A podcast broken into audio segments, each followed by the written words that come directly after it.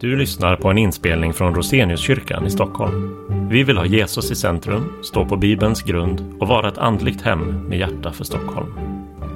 Vill du veta mer om oss? Besök vår hemsida eller vår Facebooksida. Och välkommen på en gudstjänst.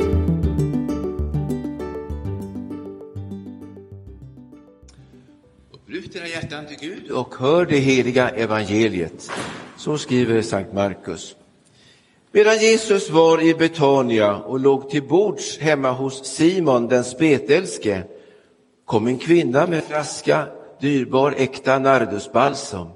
Hon bröt upp flaskan och hällde ut allt sammans över hans huvud.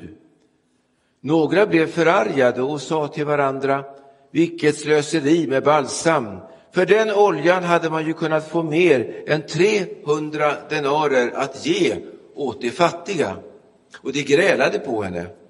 Men Jesus sade, låt henne vara. Varför gör ni henne ledsen? Hon har gjort en god gärning mot mig. De fattiga har ni alltid hos er och dem kan ni göra gott mot när ni vill. Men mig har ni inte alltid. Hon har gjort vad hon kunde. I förväg har hon sörjt för att min kropp blev smord till begravningen. Sannerligen, överallt i världen där evangeliet förkunnas ska man också berätta vad hon gjorde och komma ihåg henne. Så lyder det heliga evangeliet. Du Kristus. Mm. Fastans kampmotiv tar idag sikte på tron. Hebreerbrevet säger detta om tron. Den är en fast övertygelse om det man hoppas, en visshet om det man inte ser. Tron räknar med Gud och det han har gjort i skapelsen och i frälsningen. Guds första mästerverk är just skapelsen. Vad alla kan se och uppleva, vare sig man är i skidspåren kanske nu som Martin, eh, eller andra på väg mot Mora, eller för den skull är här i kyrkan och vet ändå, nu står våren för dörren. Vilken förmån det är att få bo i Sverige, att få uppleva årstidernas alla härliga växlingar och som mjukar upp tröga nordbor. Det finns en Gud, om det sjunger inte bara trons folk i gudstjänsten och på vardagar hoppas vi, utan också alla fåglarna. Guds andra mästerverk är frälsningen av nåd för Jesus skull. Och här räcker inte våra fem sinnen för att få erfara detta. Vi behöver också den helige Ande, Bibeln och trons gemenskap för att med trons ögon kunna se och kunna få en verklig glädje. Att det var för oss, att det var för mig som Jesus kom, led, dog och uppstod. Tron på Jesus är verkligen en glädje, men den har också sin kamp. Aposteln sammanfattade sin kamp med orden det goda som jag vill, det gör jag inte, men det onda som jag inte vill, det gör jag. Av egen erfarenhet så visste aposteln att relationen med Gud, den bygger på nåd. Att trots mina svek så svek inte Jesus. I den gamla testamentliga texten idag så hörde vi profeten Jesaja. Namnet betyder som namnet Jesus att Herren räddar. Jesaja fick förebåda den verkliga räddaren, inte bara med sitt namn, han fick också ett klart budskap om Messias, Herren. Ord som man inte fick se uppfyllelsen av, men som man fick bära fram. Profetiorna förutsade i detalj sådant som 700 år senare stämde in just på Jesus. Som när vi idag hör Herrens ande är över mig, Herren har smort mig till att predika glädjens budskap för de ödmjuka och frihet för de fångna och befrielse för de bundna, att predika ett nådens år från Herren. Profetian handlade om vad Jesus skulle göra. När Jesus läste profetian i Nasarets synagoga så uppfylldes den. Jesus sa, idag har detta skriftställe gått i uppfyllelse inför er, som hör mig. Lukas 4.21. Jesus hade ingen bok där han slog upp rätt sida och började läsa. Det vore ju enkelt. Utan man läste som vi vet ur en bokrulle. Och den sabbaten var det just den texten som blivit synlig i bokrullen. Budskapet blev, nu är löftets tid inne. Nu är frälsningens dag här. Nu är det tid för lovsång istället för modlöshet. Så för Jesaja och så för oss idag. Att för med Jesus så börjar en ny framtid. Episten ifrån Hebreerbrevet, det handlar om både om Mose och om oss idag. Mose skulle föra Guds folk ut ur slaveriet i Egypten och han skulle föra det till löftets land. Han hade det inte lätt, men han härdade ut eftersom han liksom såg den osynlige. Den osynlige, det vill säga Jesus, löftets son, som ännu inte hade kommit, men som skulle komma. Texten visar hur de första kristna läste sin bibel. De räknade inte bara med vad de såg, för de såg den osynlige i allt. De såg Kristus i Moses, i allt det som stod där, i alla sammanhangen och människorna. Att Jesus finns med på riktigt i hela Bibeln och också i vars och ens liv. Trons och otrons människor, de kan dra riktiga slutsatser av det som syns och som är mätbart för vetenskapen. Men det finns en viktig skillnad ändå mellan tron och otron. För trons människa kan se och värdera också det som inte syns. Ja, hon vet att viktigare är det faktiskt som inte syns, för det synliga, det är förgängligt. Det vill säga, det har ett slut.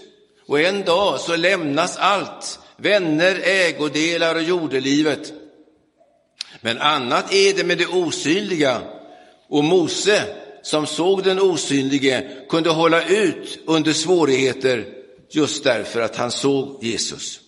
Och så är det även för trons folk idag. Som Mose får vi räkna med Jesu lidanden som en större rikedom än Egyptens skatter. Och mitt in i alla våra vår kamp och svårigheter på olika sätt i livet så får vi räkna med honom. Evangeliet berättar om kvinnan hemma hos Simon, den spetälske i Betania. Vi vet inte vem denne Simon var, inte heller vem kvinnan var, men viktigare är hennes tro. Den drog henne till Jesus. Hon passerade blickar som sa, gå din väg, här har du inget att göra. Men hon gav sig inte, hon tog sig ända fram till Jesus. Matteus han nämner också händelsen, Johannes berättar om en liknande händelse.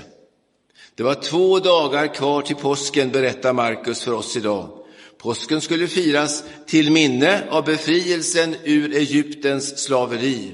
Det hade skett enligt den judiska tidräkningen den femtonde dagen i månaden Nisan efter vårdagjämningen.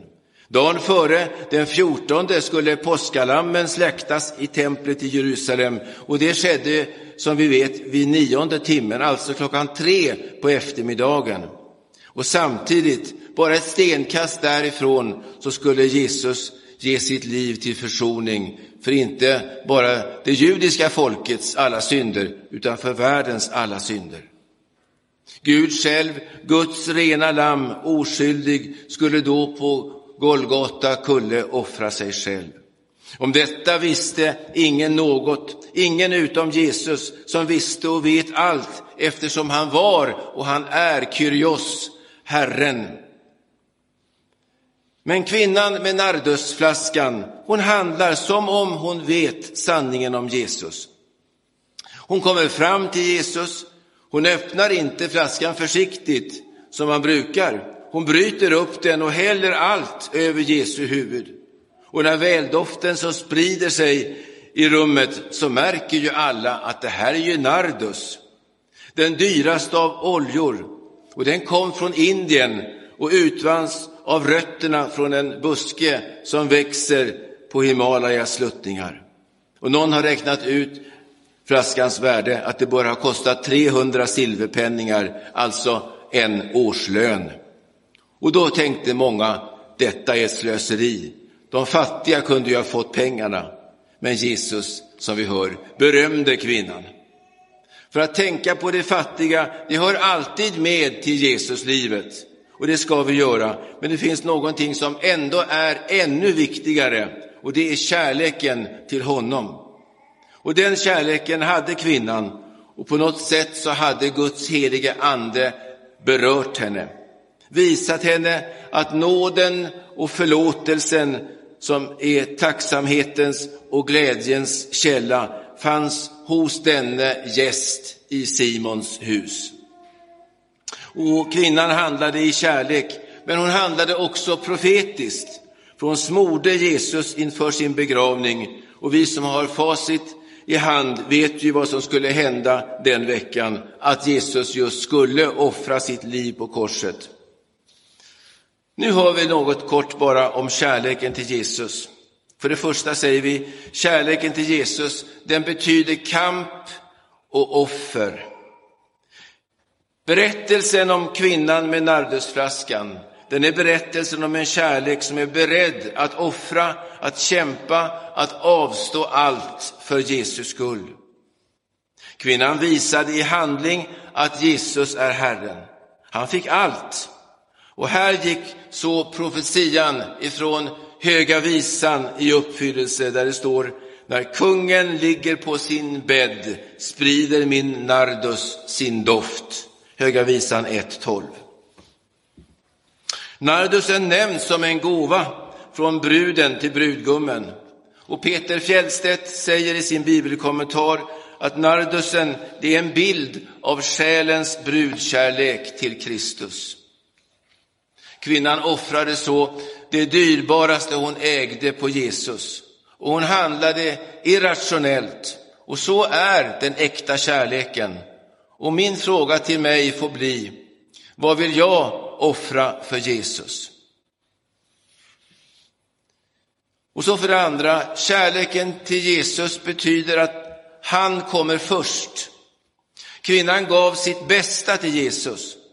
Hon hade fått klart för sig både vem Jesus är och vad som snart skulle hända med honom. Och när hon nu visste så handlade hon. Trots hinder kom hon, gav allt hon hade och så kommer frågan till oss, vågar vi oss gå ut på trons tunna is? Vågar vi sticka ut, alltså bli som en dåre för Kristi skull? Inte först beräkna hur vi uppfattas av andra i det vi gör och tänker. Så låt nu tron på Jesus få konsekvenser i din vardag. För bön och för bibelläsning, för viljan att vara med i församlingsgemenskapen i kyrkan och ta ansvar. Så tron blir verklig vardagstro. Och är det redan så för dig, grattis får vi säga. Fortsätt på den vägen, för den är riktigt bra. Och vet att Jesus är med dig i kampen och vet att han går först. Först upp till korset och sen får du och jag tätt följa efter. Och så kan fastetiden bli och vara en tid då mycket kan hända i trons liv hos oss. Och här kan ju faktiskt kyrkkaffet, som vi visst ska ha här nere idag, är det så? Ehm, kunna vara liksom till, till hjälp för oss och kanske också att lära känna någon som vi inte känner så bra så att vi kan inspireras av varandra för att se mer av Jesus i vår vardag. Så gläd dig, vet du har en vän och en frälsare som har gjort allt för dig. En vän som känner dina synder, din kamp, dina dagliga misslyckanden i efterföljelsen och din sorg och som älskar dig. Så lämna då därför alltid dina synder till honom och sen gå inte och plocka upp dem igen, vilket är så vanligt att göra. Låt Jesus ha dina synder. Han går före för att dö för dem. Så välkomna Jesus in i livet. Morgon och kväll, låt han få vara först och störst. Och så för det tredje och sista. Kärleken till Jesus blir som ringar på vattnet. Jesus sa om kvinnan, överallt i världen där evangeliet förkunnas ska man berätta om vad hon gjorde och komma ihåg henne. Som vi gjort idag här i våran kyrka. Kungar och statsmän, de är glömda, men den där kvinnan, hon är känd i hela världen. Ja, så är det. De, första, de största föredömena finns bland de minsta. Ska vi finna det verkligt stora, då ska vi öva oss i att söka i det lilla och i det oansenliga. Ju mindre jag är, desto större plats kan det finnas för Jesus hos mig. Detta är regeln i Guds rike. Att störst är den som tjänar. Jag som ringar på vattnet kan så glädjens ord nå ut till människor som ännu inte hört evangeliet. Så ditt och mitt vardagsliv med Jesus är just dessa, dessa ringar på vattnet. Det kan hjälpa eller det kan skälpa andras tro och liv. Kampen och prövningen i trons liv, det är de medel den heliga Ande använder för att fördjupa oss och för att föra oss närmare Jesus. Så tacka Gud, ta kvinnan till ditt föredöme. Ibland innebär det att ge upp sig själv och att bli till en dåre i världens ögon. Det är den kamp den helige Ande genom Guds ord ställer oss alla i. Alltså inte kampen som du själv har för att vinna kortsiktiga jordiska framgångar. Det är någonting helt annat och i den kampen, där kommer du alltid vara ensam. Men när du faller i den kampen, då kan den heliga ande visa dig på någonting som annat som han lovar och som är mycket större. Att få syndernas förlåtelse, att leva i den förlåtelsen ända fram till det eviga livet. Jag litar på vad Gud lovar i sitt ord. Det står han också för. Han har stått för det förr, han står för det idag, han står för det i all evighet. Det han lovade, ja, när vi döptes, att vara med oss alla dagar intill tidens slut. Ära vare Fadern och Sonen och den helige Ande, så som det var av begynnelsen, nu är och skall